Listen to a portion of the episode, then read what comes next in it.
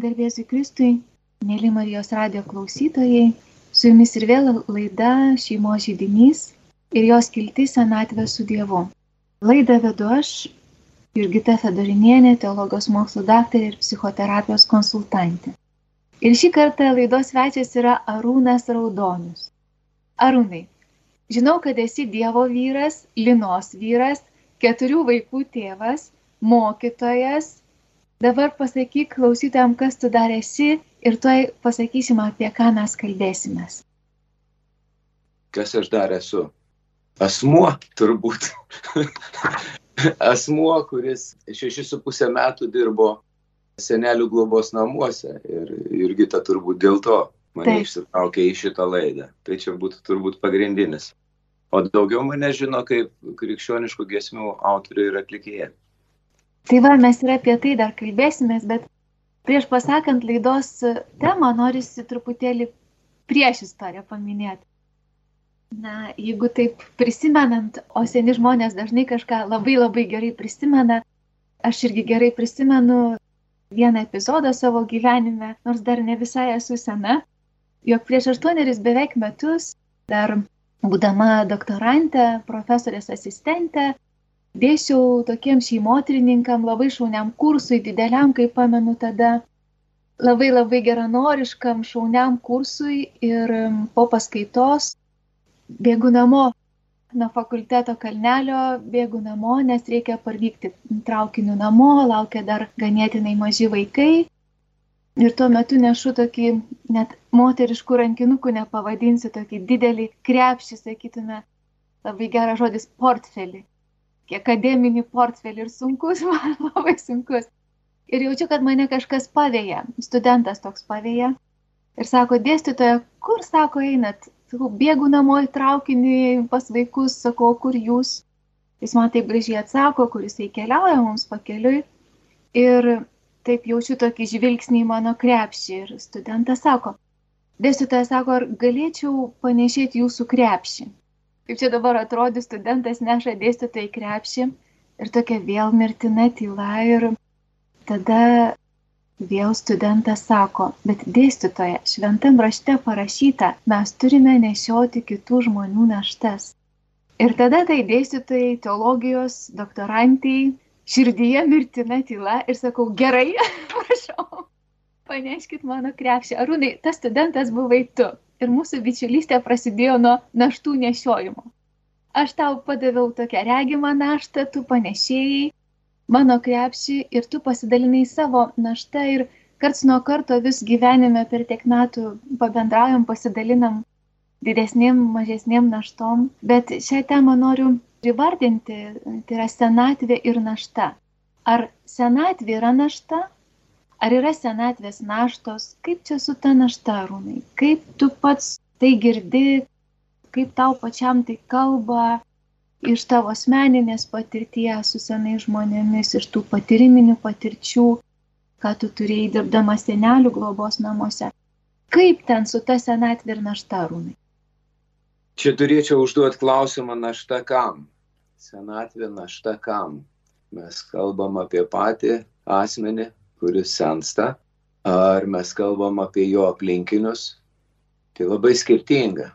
Jeigu kalbėti apie verbų amžių, tai man patinka Viktoro Franklio mintis. Pačioj pradžioj savo knygos jisai sako, kad žmogus auga iki mirties. Tai žmogus yra augantis iki pat tol, kol atidaro duris į anapus ir išeina. Mes augam pati pradėjai taip kalbėti, Jurgita, kad tary, apie save tarytum, apie seną žmogų. Teko dalyvauti tokiam seminare, kur, reiškia, pasirodo Velse, senyvas jau yra laikomas nuo 55 metų. Čia oficialiai. Bet jeigu prisiminti iš senelių globos namų, tai papasakosiu istoriją. Reiškia, 98 metų vyras, aš ateinu pas jį pasikalbėti, pabendrauti ir pradedu kalbą taip, sakau, nu va, nebuvai ten anam korpuse, pas mus du korpusai, sakau, nebuvai tam anam korpuse, o mes ten tortą valgiam, šventėm, jisai, o kas buvo, nu sakau, gimtadienis, kieno, pasakiau moters vardą, Jisai sako, kiek jai? Sakau, 82. Nu, jau paaugusi moteriška. Tai va, tai aš tada susimašiau, kad galiu mirti nepaugęs, nes galiu tokio amžiaus ir nesulaukti. Tai su amžium požiūris į patį metų skaičių ir į amžių jis labai kinta. Bet šitas pasimatė. Apie naštą nežinau. Naštos jos yra galbūt priklausomos net ne nuo amžiaus, net ne nuo senatvės.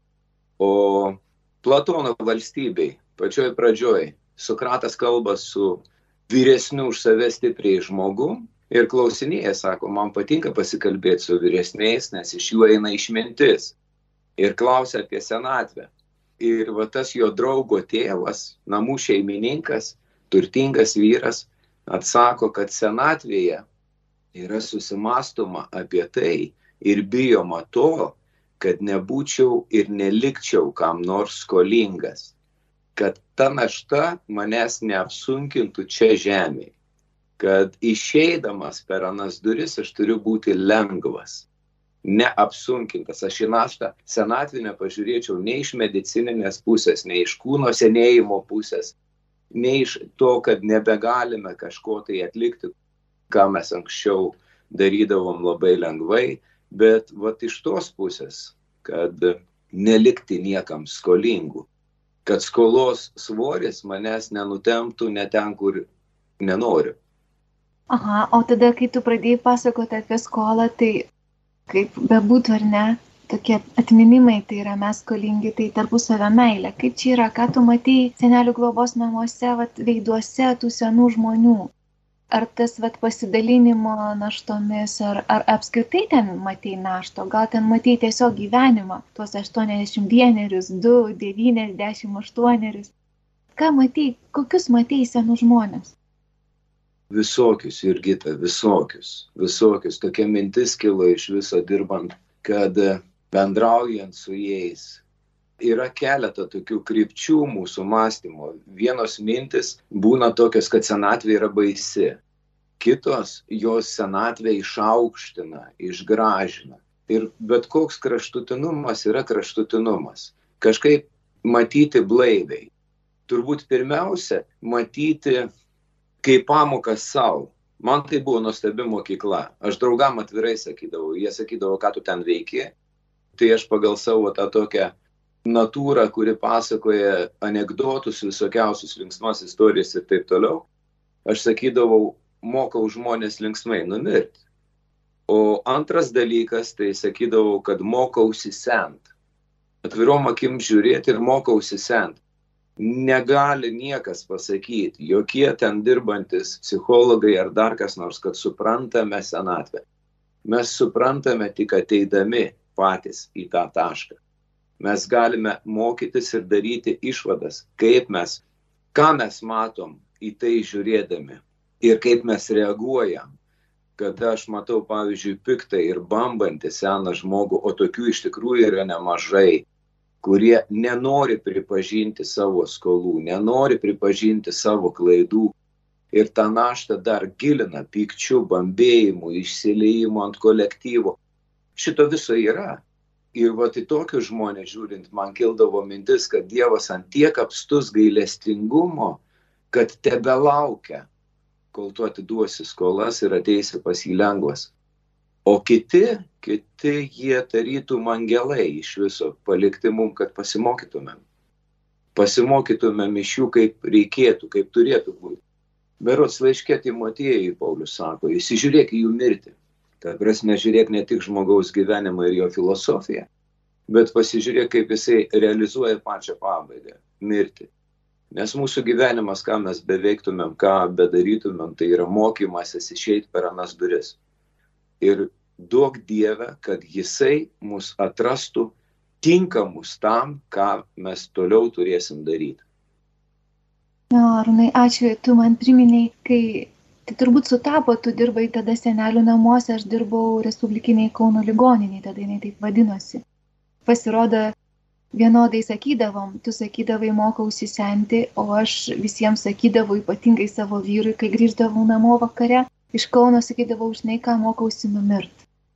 Labai gera tavo mintis, iš tikrųjų maža ką galim sakyti, aš pati esu psichoterapijos konsultantė ir, ir mokom, ir patariam, ir įveikas duodam ar ne iš to, ką mokam, ką patyrė, bet ne visai patyrė. Ir tada, kai pačia užklumpa kokia kančia ir, ir tokia rimtesnė lyga ar ką, ir galvoju, o va čia kaip dabar, o va čia jeigu dabar, o kaip čia dabar su manim, kas čia vyksta, ir viskas iš naujo prasideda. Tarsi pamokas kažkokias mokėsi o kaip čia dabar nedėjot, o kaip čia dabar nurimt, kaip tiesiog susitikt toj kančioj dabargi ir senėjant, ar ne, aš pati ne, nebijau to žodžio, nors dar 50 nėra ir dar iki jų reikia palaukti truputėlį, ne, kaip priimti visą tai, kaip priimti ir kokį santykių turėti. Su savim tada jau, ne, nors ten sako širdinė su tema ir širdie aš dar jaunas, bet vaikyti palauk jau vis tiek, jau tu garbus ar tiesiog aš dar nemirštu, bet pasirodo, kad jau visai, vat, visai netoli agonija kartai. Dar jaunas, du tokie. Sveikinau savo sūnų, 29 metai suėjo visai neseniai. Ir juokauju, sakau, nu kaip jauties pasenėjęs. Ir jis atsako, žinok toks pat. Tai aš jam pasakiau, patikėk, niekas ir nesikeis. Keisis tik tai tavo galimybės. Mes realiai išliekam jauni kiek aš mačiau tų jubiliejų, kiek sveikinom ten ir su 80, ir 90, ir taip toliau. Ir žmonės žiūri tuos skaičius ir jais netiki. O viena močiutė anūkiai pasakė, klausimas, kaip ten su ta senatvė močiutė, sako, vaikelė, žinok, blūdisi taip pat, tik lėčiau. Galimybės sumažėja.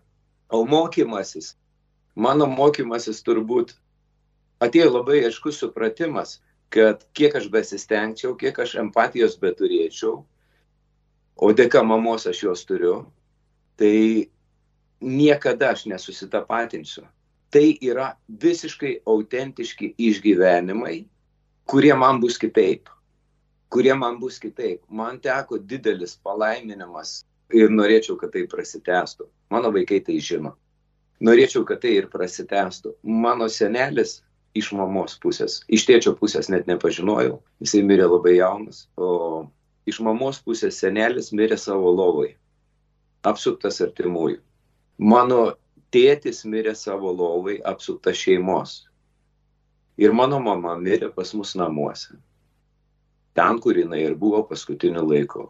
Tai kada aš išlydėjau mamą, tiesiog jinai labai taip palaipsniui geso ir Vakare atėjau šalia jos, pagėdojau valandų liturgiją, naktinę, apsisprendžiau, kad atsikelsiu, atsisveikinau su ją, labą naktį, apsisprendžiau, kad atsikelsiu trečią valandą nakties, apkamšyti, pažiūrėti, bet atsikėliau pirmą ir mama buvo dar šilta, bet jos jau nebuvo.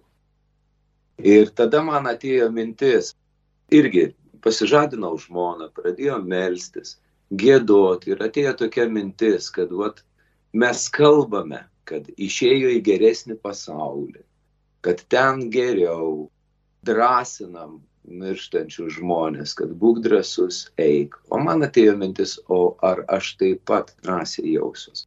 Ar tada aš save drąsinsiu? Ir vat, nežinau, nežinau, tiesiog nežinau. Ir man tas nežinojimas visai patinka.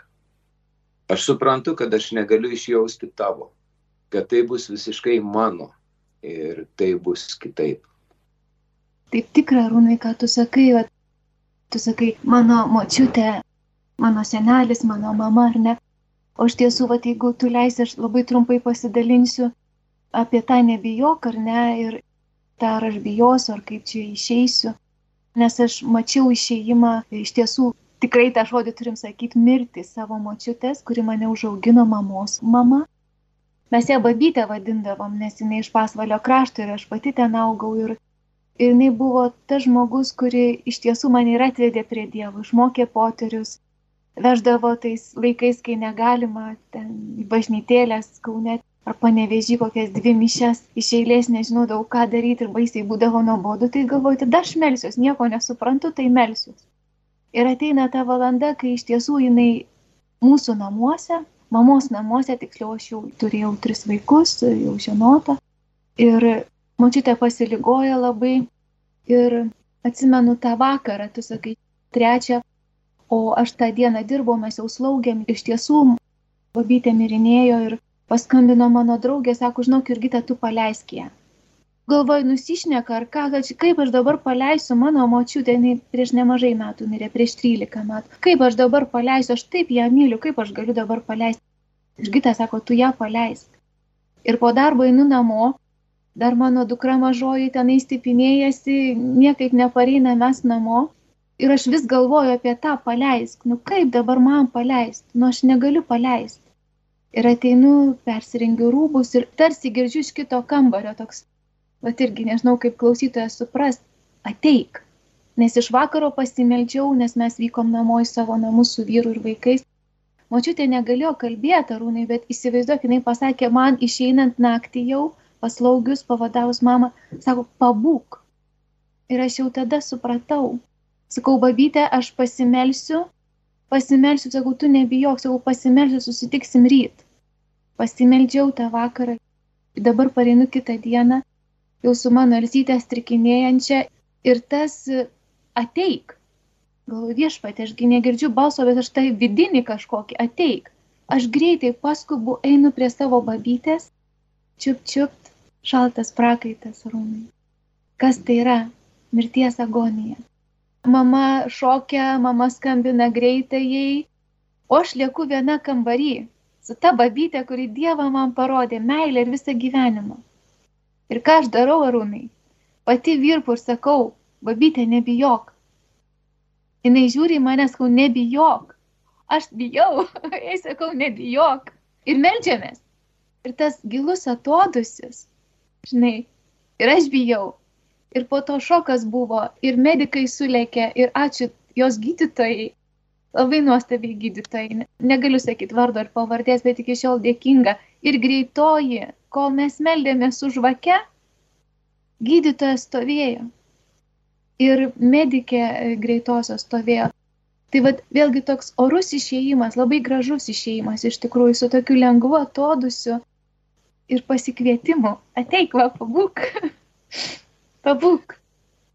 Žinai, mesgi katalikai melžiamės, nuo staigios ir netikėtos mirties apsaugok mūsų viešpatie. Ir tie, kuriem ateina laikas, dažniausiai va taip ir būna. Kuriem atėjo laikas, tiesiog va, Dievas pasiima. Jam atėjo laikas. Tokių istorijų galėtų pasakot labai daug.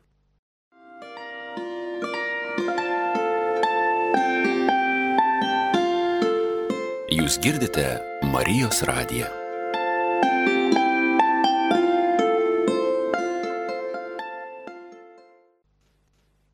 Vakar iš tikrųjų gavau žinutę, kad viena iš tų, prie kurių aš dar buvau, mirė. Irgi jinai visada sakydavo, kad mirs po savo gimtadienio. Mhm. Jei vakar suėjo 86 metai, jinai atšventė savo gimtadienį ir po piet mirė. Ačiū Dievui jos žinojimą, jinai žinojo, kaip reikia.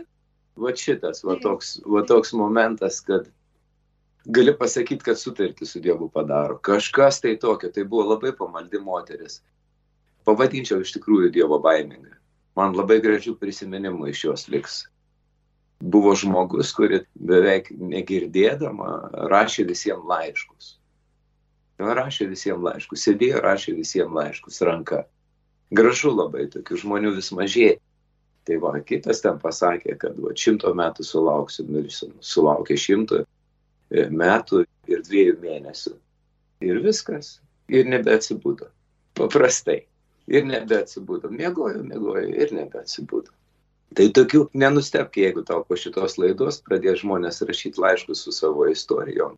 Nes mes pilni šitų istorijų, tik tai nedrįstam pasakot šitam netikėjimo aplinkoj, kad mus nepalaikytų kokiais šizofrenikais, dako, nors žmonės bijo pasako tokius dalykus, o iš tikrųjų būna, kad ir naktį ateina ir prasineša iš anksto, visai būna. Apie tavo paleisk, pavyzdžiui. Gyveno vyras su žmona vienam kambarį senelių namuose. Ir tas vyras faktiškai nesiorientavo aplinkoje. Jis sėdėjo vežimėlį, nelabai orientavosi aplinkoje ir nutrūkstamai melsdavo tėvę mūsų. Nutrūkstamai, ta prasme, jis galėdavo bet kokioje vietoje sustoti ir vėl iš naujo pradėti, neiškalbėdamas viso, visos maldos.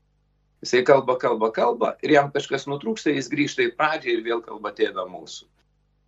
Melsdavos šitą maldą ir vat atėjo laikas, jisai pradėjo šaukti moterišką vardą, ne savo žmonos, žmona guli tam pačiam kambarį, jis pradėjo šaukti moterišką vardą ir paleisk. Šaukė labai garsiai, skambėjo koridorius. Ir aš ateidavau ir sakydavau, tu žmonos klausdavau, kas ta moteris, ką jis čia šaukia, čia jo mama, čia jo sesuo, ar kas čia. Ir, ir žmona sakydavo, aš nepažįstu, aš tokios nepažįstu. Nu tada prie to vyro prieini, glostai ir sakai, žinok, jinai tave jau paleido. Nu, viskas gerai, jinai tave paleido.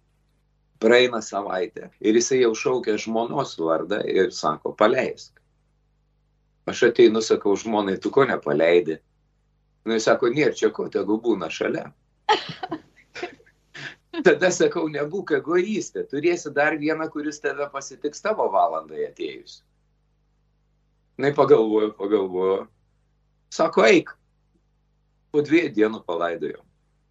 Bet tai bet ir viskas. Ir tų tokių istorijų galima daug, daug, daug, daug. Kita atveju galiu pasakyti, kada jau gydytojai ateina ir diagnozuoja, kad žmogus faktiškai mirė, liko tik iškvėpti jam. Viskas, nu, viskas nėra žmogaus. Ir moteris darbuotojas man skambino ir pasakojo va šitą momentą, kad, reiškia, susirinko trys darbuotojai, sako, palydim dušelę. Ir tėva mūsų susikibusios rankom. Po tos maldos atsimerkė ta moteris ir sako, valgyt noriu. Jo, praėjo pusę valandos po to prisikėlimo tokio, jinai su visais meldės rožančių kalidoriui. Ir kada jos klausė, sako, tu kur buvai išėjus? Žinai, mirus sako, tu kur buvai išėjus? Sako, ai kažkoks nepažįstamas vedęs nejau. Kažkoks nepa, nejau. O paskui, reiškia, tą savaitę teko ir man dirbti, ir, ir kalbamės. Ir vat tokie momentai, kad jinai atpažįsta mane, šneka su manim konkrečiai, užduoda klausimus ir taip toliau, prisimena, kas vakar buvo, ten pasakojo, kaip ten tas, ten tas klausė. Ir staiga, vad, pažiūri per langą ir sako, žiūrėk, su kokiu gražiu arkliu mano tėvas atvažiuoja. O tėvas seniausiai miręs. Na ir tada, vat, pagal senovę, pagal tą senovinį sukirpimą, kaip mane senelis, kad auklėjo, sako, žinok, jau atvažiavo vežtis. Jo, taip ir buvo. O man tai gražu labai. Gražu, labai gražu ir taip iš tiesų taip tikra, ar ne, mes kaip ir juokaujam, gal kažką papiktinsim, ar ne, vat, tas žinojimas mirties kaip žinojimas savo gyvenimo. Nebijojimas mirties. Taip. Kaip nebijojimas senatvės ir nors tema apie naštą, kaip ir nematau aš tos naštos tada. Našta yra tos skolos. Vat galim ties šituo sustoti ir rytą. Skolos. Gerai. Reiškia, kaip Paulius rašo laiškuose, nebūkite vienas kitam skolingas, išskyrus meilę. Jėzus sako, atiduokit kas ciesoriaus ciesoriaus, kas Dievo Dievui. Reiškia atiduoti, atiduoti skolas. Dažniausia pasitaikanti skola yra neatsiprašymas arba neatleidimas. Čia yra didžiausia. Nežinau, žmogus gali būti ten gėręs taškė savo gyvenimą ir papiktinęs visą giminę. Ir jis nešioja savo gyvenimo pasiekmę, jis nešioja savo naštą. Gali būti atvirkščiai, gali būti pats įskaudintas labai, ir visą laiką kartoti tą nuoskaudą. Ypatingai, kada pradeda silpnėti atmintis, žmogus gali 20 kartų per dieną pakartoti nuoskaudą ir visiškai nesvarbu, nei nuo amžiaus, nei nuo lyties, nei nuo tavo, reiškia, ten pašaukimo, dirbto darbo, dar ko nors. Išriškėja tas tikrasis aš, kur man yra duobė, kas man yra sunku ir aš kartoju, kartoju, kartoju tą savo naštą. Dabar pagelbėti, išlipti iš tos naštos būna nelengva, nes ne visada prisileidžia. Ne visada prisileidžia. Nežinau, vienas atvejis buvo toks, kur aš galėčiau sakyti, vien dėl šito atvejo vertėjo šešis metus būtent, kad e, man pavyko, nu negražiai žmogus gyvena, ištaškė savo gyvenimą, bet jisai, kaip jis bebūtų, jis su didelė meilė atsiliepdavo apie savo sūnų, kurio nematė daug metų. Tai vad, pavyko rasti pavyko rasti tą sūnų, pasikalbėti su juo ir išprašyti, kad atvažiuotų. Jaunas vyras. Tai mano motyvas buvo, žinai ką, tu atvažiuok ne dėl jo, tu piktas ant jo. Tu būk geras atvažiuok dėl savęs. Nes tu užsikrausi savo tokią naštą, kurią paskui nežinosi, kur dėti. Padaryk savo širdį laisvą. Tiesiog. Ir jis atvažiavo. Aplankė, jėdu pasikelbėjo ir mes po poros dienų tą, tą vyrą išlydėjom. Tai čia man buvo labai daug. Labai stipru, Arūnai. Ir žinai, ką tu sakai? Tu man sakai, kai tada man pacitavai, kai mes keliavom nuo to kalnelio ar ne ir dalinomės tom naštom, iš tiesų tu man pacitavai Galatam, laišką Galatam šeštos kiriaus antrą eilutę, ar ne, o dabar tu man sakai ketvirtą eilutę. Bet aš neseku eilučių. Nežinau, Aš, aš tiesiog noriu atliepti, patvirtinti klausytojui. Aš žinau, kad tu nesiekiai eilučių, bet uh, tu sakai gyvenimo ar ne, bet aš noriu patvirtinti klausytojui, kad vis dėlto Dievo žodis e, iš tikrųjų mums kalba, mums kalba per kitus žmonės, per įvykius. Žiūrėk, tik, savo, tegul kiekvienas ištiria savo darbą ir tuomet galės didžiuotis pats savo, nesilygindamas su kitu, nes kiekvienam reikia nešioti savo naštą. Taip. Arūnai, laidos laikas į pabaigą, bet aš vis tiek noriu tave pakalbinti su tavo dainom ir gesmėm.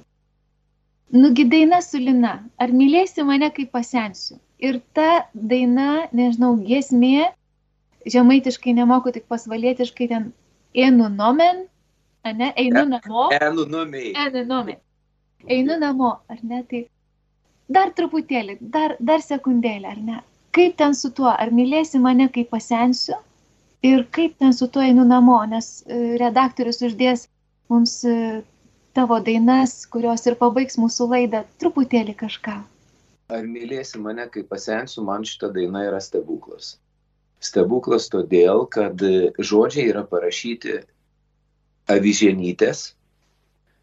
Ir e, jai tada buvo 21 berots metai, kada jinai parašė šitą dainą. Tai man čia yra visiškai nesuvokiamas stebuklas, kaip gali šitokio amžiaus žmogus. Aš tada sakau, kad čia yra gauta. Čia yra iš tos srities poezijos, kuri yra gauta. Nu va, ir tiesiog mes esam Facebook'e draugai, aš perskaičiau jos eilės, pasiėmiau gitarą, pagrojau ir gavosi va, tokia daina. Mums su Linai jinai labai patinka. Jinai atspindi nuo jauno iki seno. Man iš vis patinka tokie, tokios eilės, kurios parodo visą apimtį. Nuo iki. Nuo to, kad aš, reiškia, jaunas. Yra pas mane kita tokia daina, kur aš jaunas, o išskreisiu sparnus ir skrisiu. Ir paskui pabaiga, kad aš skrisiu, bet jau kaip lapas, kuriam nesvarbu, kur nukrist. Va, tai čia iš tokios serijos, o einu namo, tai ten aš to įžangoje sakau, kad nu, tiesiog, tiesiog buvo panika, ar čia mes visi numirsim dabar nuo to viruso ir taip toliau. Nelabai juk yra ko pergyventi. Viešpatė, kada pasišauksi, tada ir aš ir eisiu. Aš pamenu, tau pasakojau tą tokį iš filmo, kad, reiškia, sužeistas žmogus, nukraujavęs, strėlė nugaro ir at, atitempia jį pas giduolį, visi pergyvena, ar jis nemirs, o giduolis ištraukia strėlę ir sako, nuo nukraujavimo dar niekas nemirė, visi miršta, kai Dievas pasišaukia. Vat ir viskas, ir ko tau pergyventi. Aš galvoju, kad pergyvenimai ir baimė yra ta vieta, kur mumis manipuliuojam. Tai tikrai laisvas žmogus yra tas, kuris žvelgia į viską paprastai. Taip ateis tas laikas, ateis ta diena. Ir duok Dieve, kad tada aš nebūčiau su naštom savo širdį, kad mano dušė būtų tokia lengva, kad galėtų pas tave viešpatie pakilti.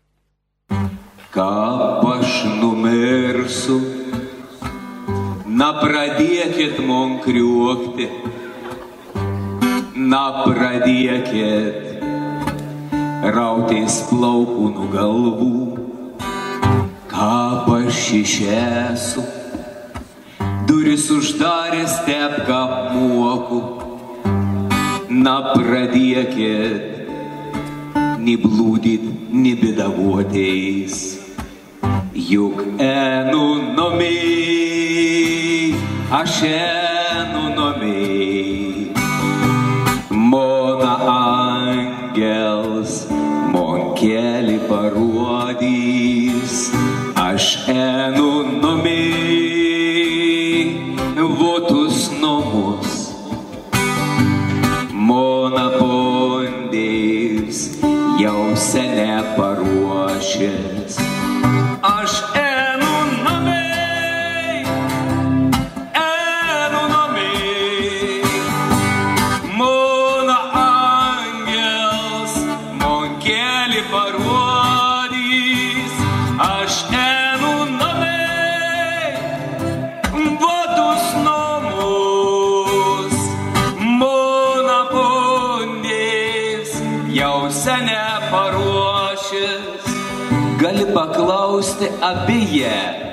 tai aiškės, ką pašanam į akis paveizijas, su kokiom ronkom, su kokias darbas prie nuosuostaton deina stovėsiu. Žinau tik veina, ką pulsu pukuoju įklyksiu, atlesk mon. Bet juk žinau, ką myliu. Į tu die, enu. Namai,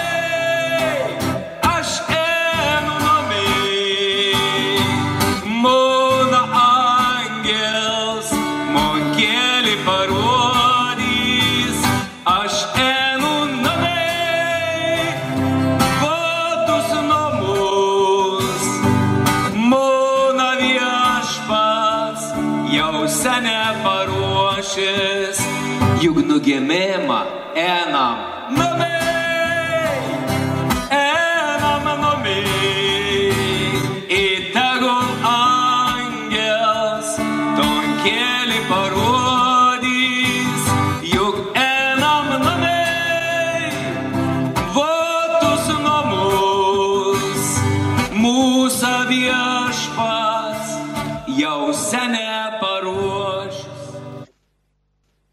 tiesų labai labai ačiū tau už pokalbį, už tas mintis gilias, su kuriuom gyveni ir kurias išgyveni.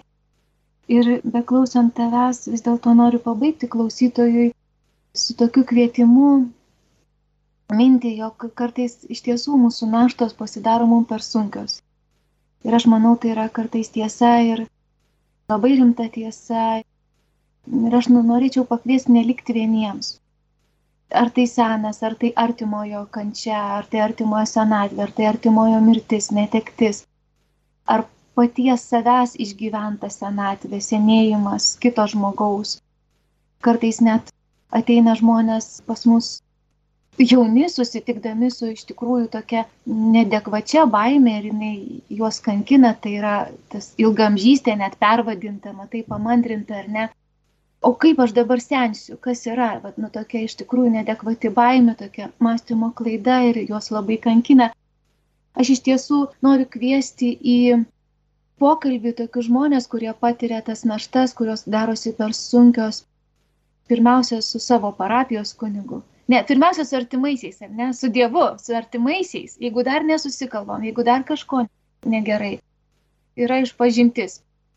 Pirmiausia, va irgi sakramentas, tada galbūt dvasinis pokalbis. Jeigu ne, mielai yra tikinčių psichologų, psichoterapeutų, laiškus parašyti, ar paskambint, ar pasidalint, ar pasibėdavot, mielai gali skambinti ir man, mielai pakonsultuosiu, mano telefonas 868214425, kad nebūtų mums sunkios naštos, kad aš išpildyčiau arūnai tai, ką tu padarėjai tada tai dėstytojai su ta sunkia, sunkiu ryšuliu, ar net tu panešiai ir iš tiesų, jisai buvo labai sunkus, aš eidama nuo kalnelio galvau, kaip man sunku, ką dabar daryti iki traukinio. Pasidalinkim savo naštom. Ačiū arūnai. Ačiū tau, Jurgita. Sudie. Sudėjau.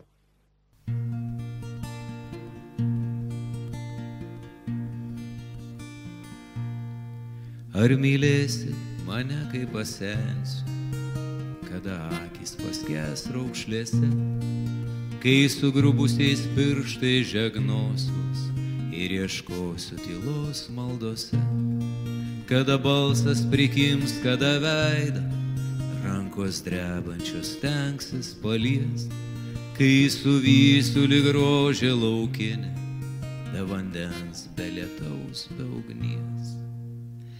Ar mylėsi mane, kai pasensiu, kada akis paskes raukšlėse, kai sugrubusiais pirštais žegnosiuos ir ieškosiu tylos maldose, kada balsas prikims, kada veidą, rankos drebančios tenksis palies, kai suvysiu lyg rožė laukinė be vandens, be lietaus, be ugnies. La, la, la, la, la, la, la. Ar mylėsi mane? La, la, la, la, la, la, la. Ar mylėsi mane? La, la, la, la, la, la, la. Ar mylėsi mane? La,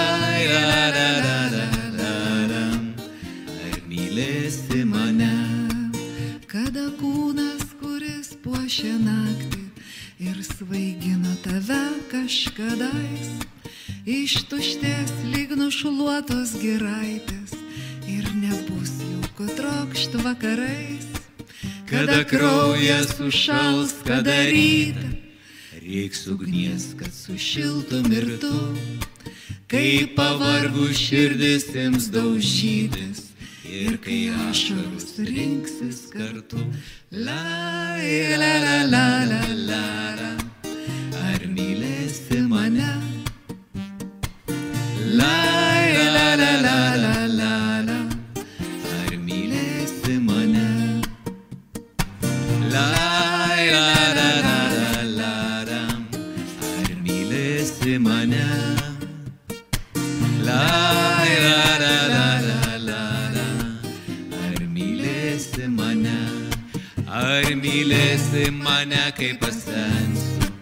Kai šauk žemė priglausti žoliai, kada kaulai pavargę po kelio, pailsėti norės pakeliai, kai blaškysis dvasia tarp pasaulių ir kai naktį pavirsiu paukščiu.